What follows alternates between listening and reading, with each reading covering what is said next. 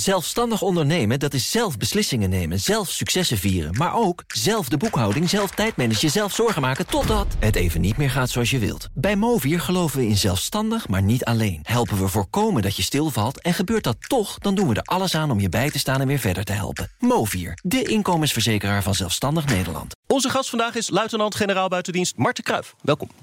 Dankjewel. Meneer de Kruijf, er gebeurt ineens een hele hoop rond die NAVO de afgelopen week. Je hebt het stuk in de New York Times dat Trump intern weer uh, zat te twijfelen over het Amerikaans lidmaatschap. Uh, congres dat daar een wet tegen aanneemt. Pompeo die nog wat zegt over dat artikel 5, wat suggereert dat het misschien niet zo stellig is. Wat is daar aan de hand? Nou, NAVO is niet dood in elk geval. Oh, dat, is, dat is steeds een thema het is voor nog. discussie. Maar wat je ziet is dat het uh, isolationisme in uh, de Verenigde Staten... wat natuurlijk in de top van de huidige politieke leiding van de VS zit... toch wel schuurt met de andere rol die de VS ook altijd heeft... namens Transatlantisch Veiligheidsorganisatie... en daar de lead in nemen en dat schuurt. Ja. Rob, is er reden voor ongerustheid bij de NAVO? Nou ja en nee. Uh, nee, omdat het, uh, de NAVO niet zomaar kan worden opgeheven. Dat ligt vast met een uh, verdrag. dat betekent dat het door het congres heen moet. de president zou er misschien wel van af willen... maar dat kan hij niet doen met een executive order. dus nee, formeel niet. Maar tegelijkertijd ja... ik herinner me nog heel goed de NAVO-vergadering, de NAVO-top van midden vorig jaar. toen mocht ik zelf in, in Brussel zijn toen dat gebeurde de sfeer is wel heel erg slecht hoor. En uh, Trump wordt wel heel erg uh, wantrouwd, uh, gewantrouwd. En dat betekent dus dat die NAVO nog wel blijven bestaan. Alleen je kunt je vraagteken zetten dan, als het zo moet, bij de effectiviteit van die NAVO. Ja, Arendsson, twijfel jij aan Trumps commitment? Zeker. En er is ook alle reden toe dat hij, dat hij in Helsinki heeft hij heel merkwaardig gedrag laten zien. Hij heeft in bepaalde uitspraken, wel vier of vijf achter elkaar, door de, door de jaren heen ook, dus we kunnen over jaren spreken, dat hij toch die artikel 5 uh, relativeert. Mm -hmm. En er is er altijd op de achtergrond, waarom doet Trump dat? Is het zo dat Poetin leverage over hem heeft? Mm -hmm. Dit blijft toch een running gag van dit programma. Dat is toch heel merkwaardig. Want dit is, als je mij nou tien jaar geleden gezegd zou hebben van een Amerikaanse president die, die twijfelt of hij wel in de NAVO moet blijven, had ik je voor gek verklaard.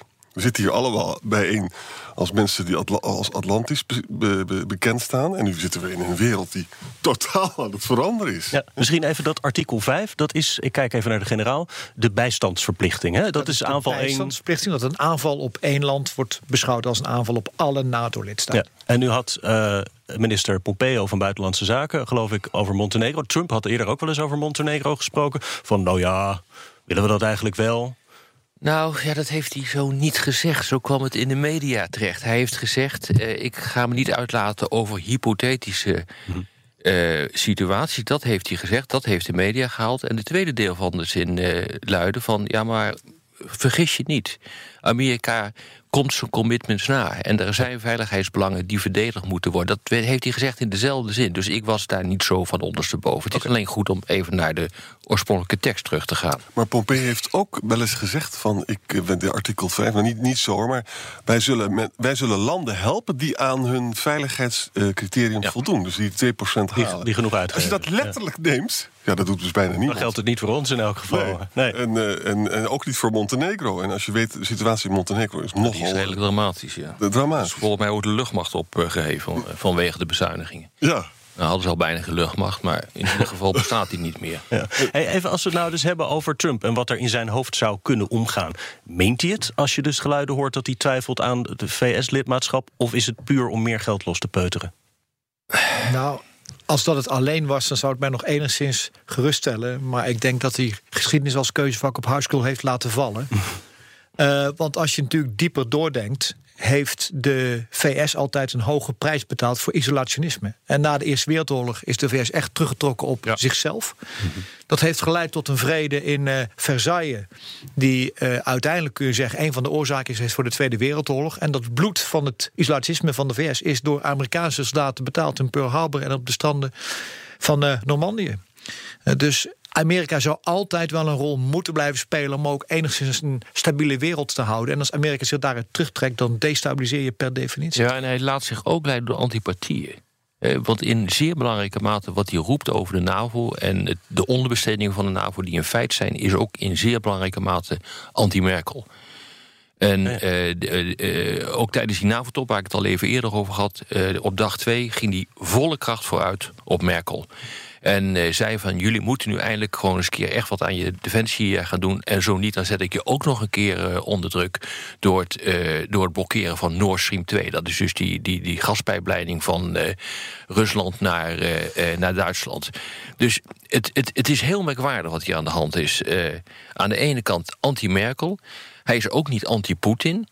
Hij gelooft niet zo in die Russische dreiging, waar die NAVO op dit ogenblik toch wel voor bedoeld is, eh, mag je wel constateren. Althans, eh, dat blijkt ook uit alle communiqués waar, waarom er opnieuw moet worden geïnvesteerd in eh, defensie. Dus hij zwalkt heen en weer met zijn argumentatie. Ja, maar weet je, even om terug. Het is wel een historisch probleem. Mart begon er net ook over. Hè? En, en Mart zei van luister eens, Amerika heeft een grote prijs betaald voor isolationisme. Je zou ook kunnen argumenteren van ja, na de Eerste Wereldoorlog heeft de Senaat gewoon niet mee willen doen met de Volkenbond. Hè? Dat was een sterke Amerikaanse onderstroom. Hè? Roosevelt heeft de grootst mogelijke moeite moeten doen om de Amerikaanse volken te overtuigen en, en het congres om eh, mee te gaan doen in de strijd tegen Hitler. Met andere woorden, als je die boeken van Walter Russell Mead leest... en dit is een sterke onderstroom. Het zou zomaar kunnen, jongens, dat de wereld die wij kennen... waarvan wij houden, dat die dus isolationistischer wordt in Amerika. Iets wat heel erg slecht is, want Europa is niet in staat om dat te vervangen. Dus het is, het is wel een, een, een grote kracht die eh, Trump aanboort. Het is niet alleen maar Trump. Ja. Is het, is het mogelijk voor Trump, eh, ik weet niet hoe dat zeg maar, juridisch zit, om gewoon te zeggen: ik trek de VS terug? Of kan Nee, iemand dat dan nou, tegenhouden? Ik heb het al eerder even gezegd. eh, hij kan een hele hoop doen met executive orders. Ja. Eh, hij kan zich dus zeg maar uit Iran-deal, wat dus gebeurd is, terugtrekken omdat hij denkt, nou, de Iraniërs eh, die zitten de boel te belazeren... en ze gaan toch een kernwapen maken... en ze zitten ook viespeuken in eh, Syrië. Dus ik, eh, ik trek die deal weg. Dat kan niet doen, omdat die deal door zijn voorganger... met een executive order is, eh, is eh, gemaakt. Ja. En dus kan hij daar zo van af. En dat kan hij buiten het congres om doen. Dit kan niet. Dit is geratificeerd. Dit is een verdrag dat geratificeerd is. Dat kan niet. En bovendien heeft het congres zich ondubbelzinnig uitgesproken voor de NAVO. Dat is volgens mij deze week ook gebeurd. En Ja. midden vorig jaar heeft de Senaat dat gedaan. Eén dag voordat eh, Trump zou moeten optreden... in die roemruchte NAVO-vergadering. Dus dat, nee, het kan niet. Mhm. Maar het congres dat wil niet zeggen dat je hem niet kan slopen, de NAVO. Maar het congres voelt wel nattigheid. Want die probeert geloof ik nu een wet aan te nemen... dat als je gelden moet eh, aanvragen om uit die NAVO terug te trekken... dan geven we die niet. Hè. Dat betekent dus dat ze bang zijn. Ik las ook weer een analyse dat, dat de president toch naast neer kan liggen. Omdat namelijk de Amerika is de depositor van het verdrag. En in het verdrag staat, je moet een jaar van tevoren aangeven dat je opstapt. Dus Amerika moet het aan zichzelf dan dus vertellen. Nou, dat kan dus niet. Nee, dan moet het gederatificeerd worden, eh, Ja. Dat- Dat, dat gaat dus niet gebeuren met dit congres. Maar er zit ook wel een soort tegenstelling in. Hè? Aan de ene kant is de kracht van NAVO bestaat uit twee elementen. Dat is de middelen die je hebt. Ja. En de vastbeslotenheid en de politieke Exact. bereidheid die je toont om NATO te handhaven. Aan de ene kant vraagt hij om te investeren in de middelen aan de andere Europese landen.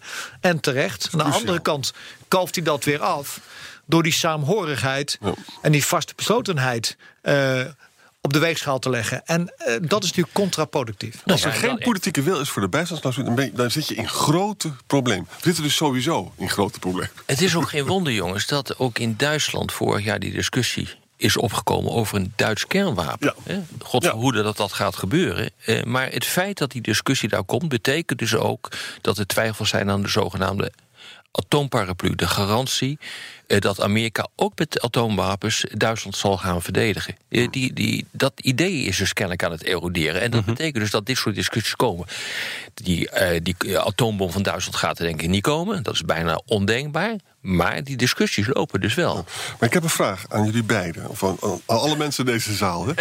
Stel je nou eens voor, ik denk dat dat niet gaat gebeuren, maar stel je nou eens voor dat in de State of the Union dinsdag de president dus gewoon echt zegt van. eh, wij gaan de NAVO uit. Het, iedereen, mijn broek zou dan afzakken, die van jullie waarschijnlijk ook. Kijk, je moet altijd nadenken ook over een onmogelijke situatie.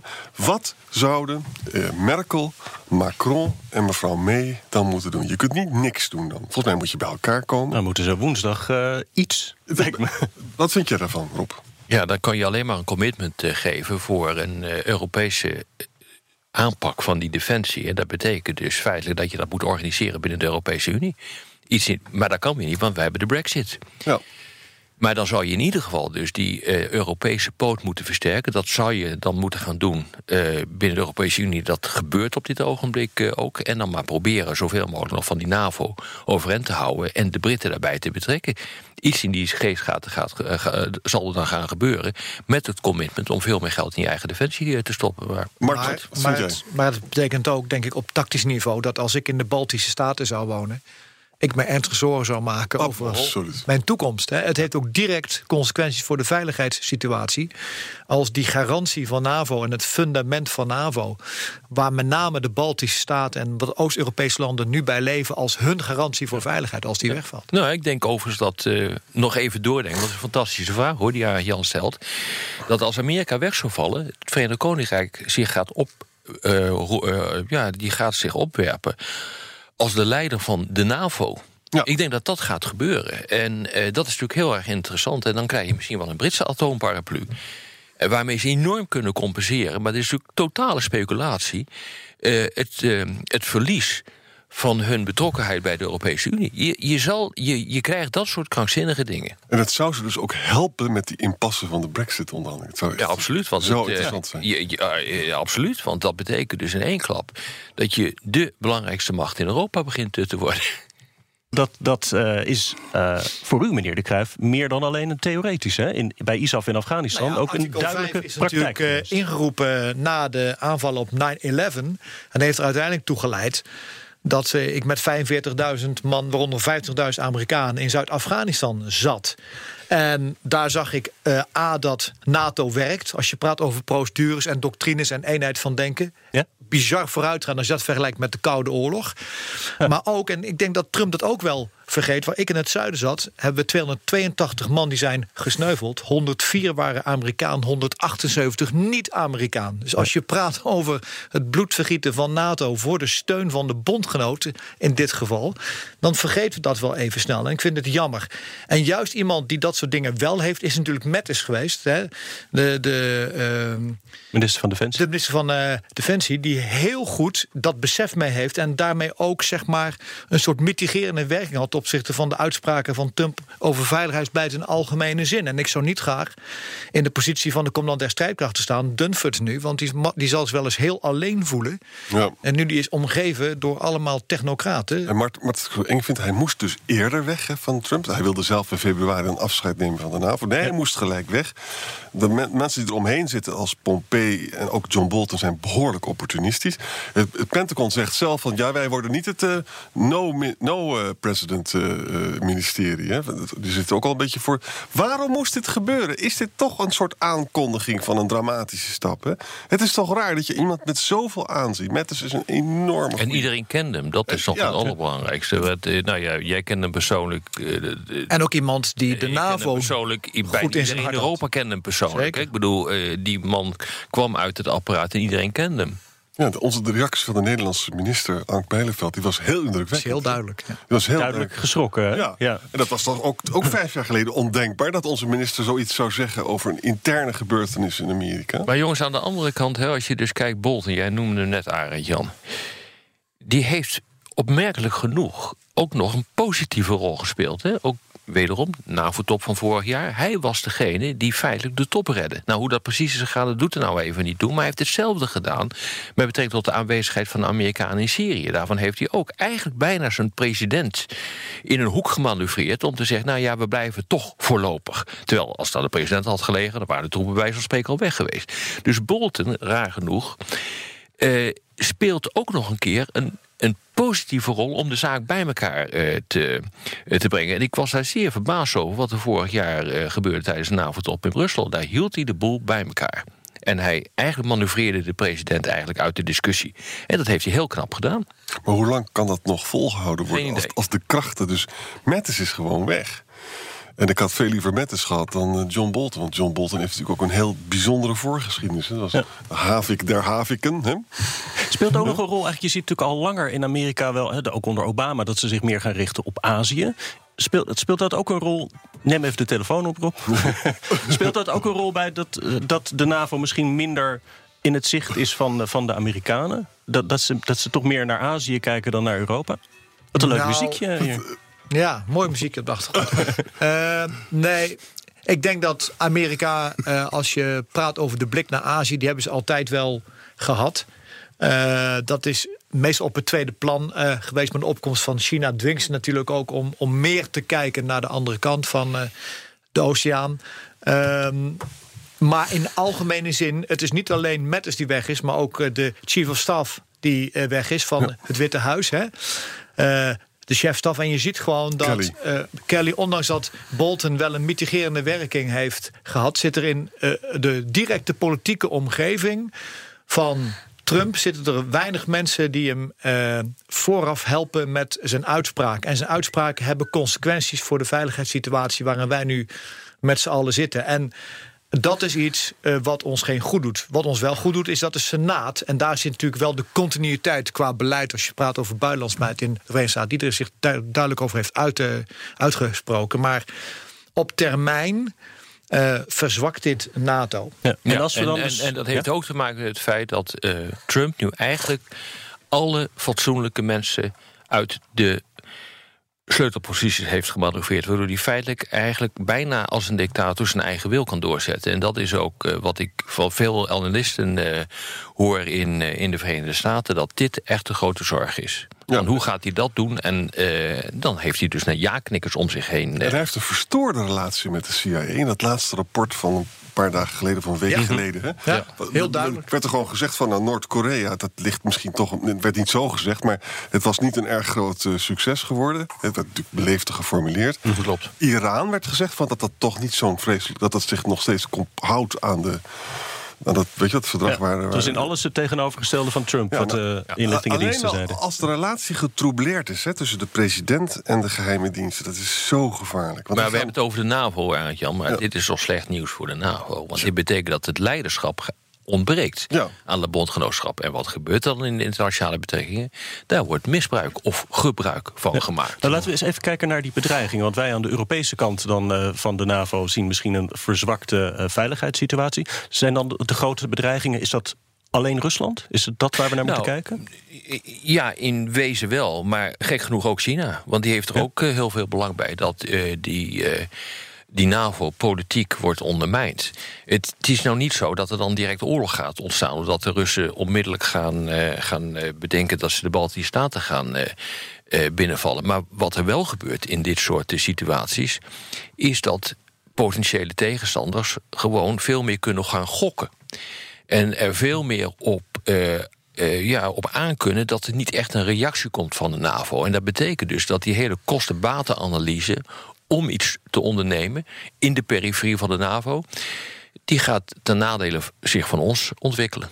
Kijk, ehm, Rusland is een land waarbij politieke macht om de eigen belangen naar het buitenland te behartigen gelijkgesteld is aan militaire macht. Militair vermogen is daar een normaal middel Ja. om je doelen te bereiken. Dat is voor ons niet zo.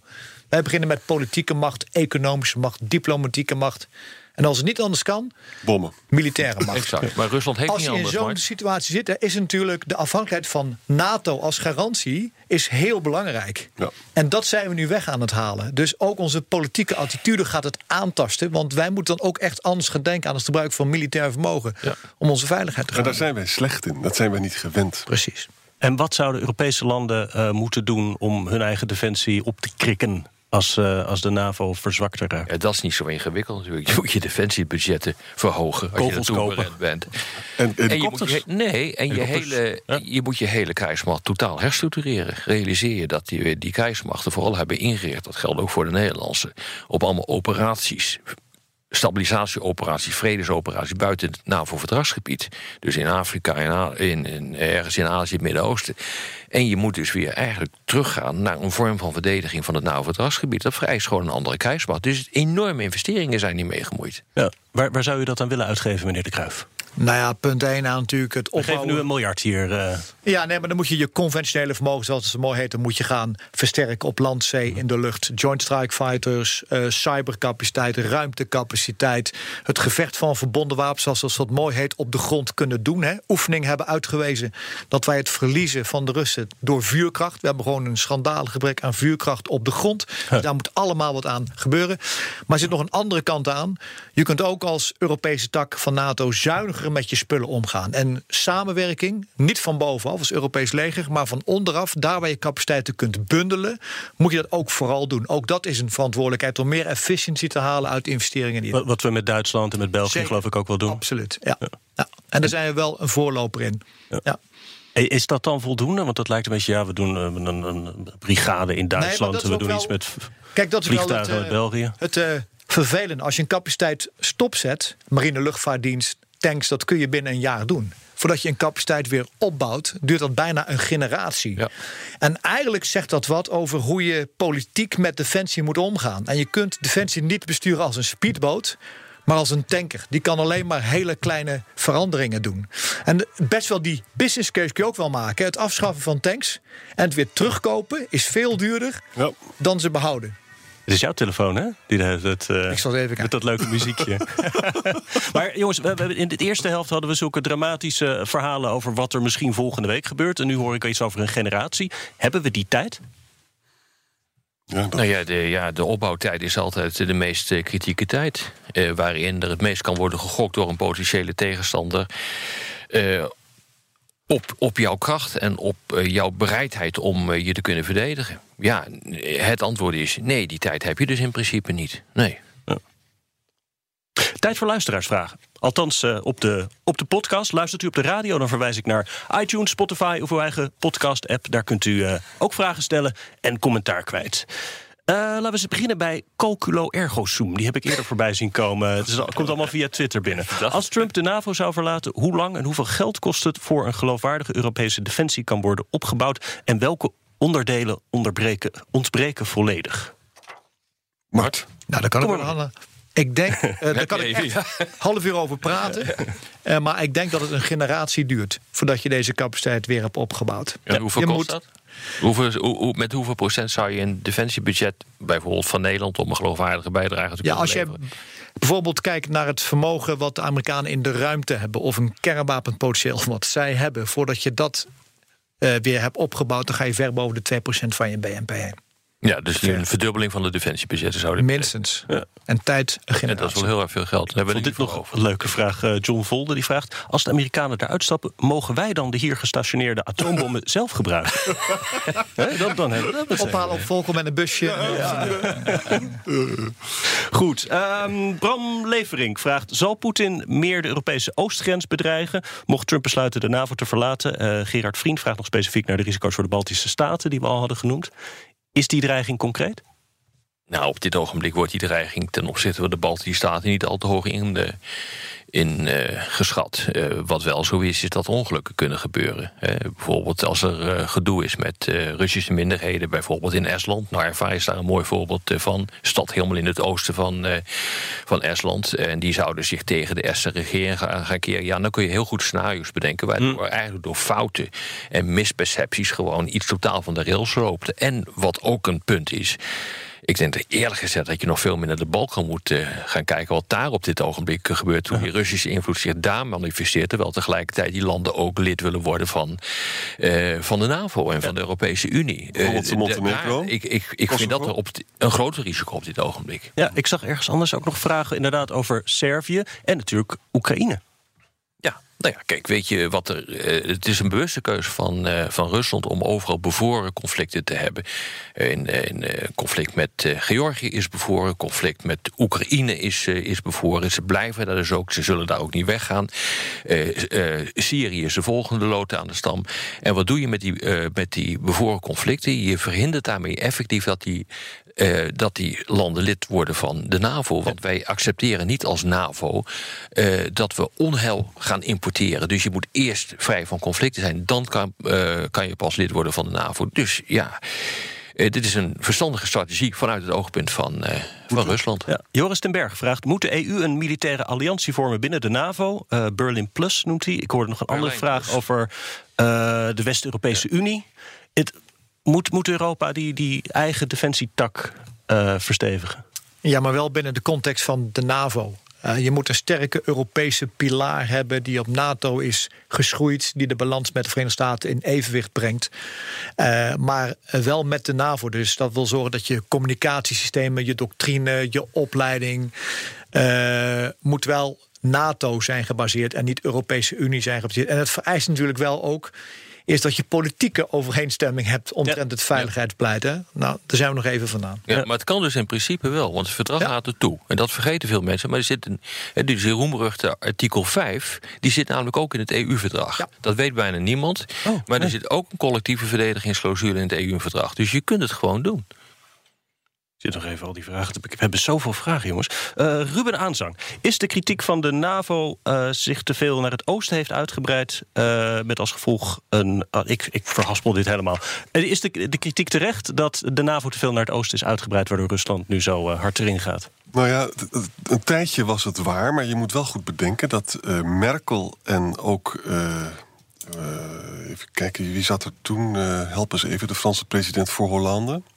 Chirac? Nee, de, nee daarna. Mitterrand? Nee, daarna. nee. Sarkozy. Dat- Sarkozy, Sarkozy. Die hebben heel duidelijk op het moment gezegd van... luister eens, het is, wij vinden het een onverstandig nu... dat we doorgaan met dat aspiratielidmaatschap. Hè? Van? En van, van, van Oekraïne. En dat is belangrijk, want het wordt, dit is een heel politieke discussie. Hè. Dat wordt met name door de Poetin-versteers constant gebruikt. Dat het alles, alles ligt aan ons, omdat we te ver, te snel zijn uitgebreid.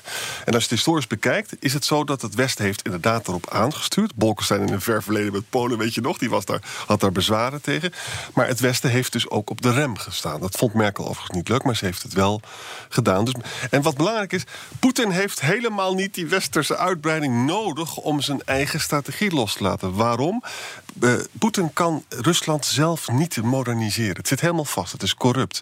Wat hij wel kan doen, is Europa verdelen en te proberen daar on- een niet-democratische krachten te steunen. En dat gaat vrij aardig. en dat zal hij altijd doen. Nee, maar als je dus meegaat in die redenering dat de NAVO te snel is uitgebreid en dat dat alleen maar eh, de Russen heeft eh, geschoffeerd, dan vergeet je dat die landen vrijwillig bij de NAVO zijn gekomen. Ja. Eh, dat de Sovjet-Unie is ingestort en geen deuk meer in een pakje boter kon slaan. En je moet je eens voorstellen dat wanneer we de de NAVO en de Europese Unie niet hadden uitgebreid, wat was er dan gebeurd in Europa? Dan, hadden, dan was heel Oost-Europa vanaf de Duits-Duitse grens één groot Oekraïne geworden. Met een enorme eh, strijd om de invloedssferen en met een enorme achterstelling ook in economische ontwikkeling. Vergelijk Polen met Oekraïne. De, eh, de, de beginsituatie in het begin van de jaren 90 was exact hetzelfde. Oekraïne is een puinhoop. Polen is dat niet, behalve dat ze af en toe de democratische principes aan de laars stellen. Polen is zeer rijk geworden binnen de EU. Dat is een belangrijk punt dat erop is. Het is echt waar. Hè? Polen is een groot land, een rijk land. Maar laten we niet vergeten dat Rusland ook een van zijn strategische doelen al heeft bereikt. Namelijk toegang tot de Middellandse Zee. Ja. met Ja. havens daar op Syrië. Dus En, eh, die hebben al veel binnengehaald. En in Libië. Reinier Bosman vraagt nog: Heeft Europa nog wel de mentale kracht om echt oorlog te voeren? Of zijn we geneigd onze vrijheid en principes in te ruilen voor stabiliteit en rust?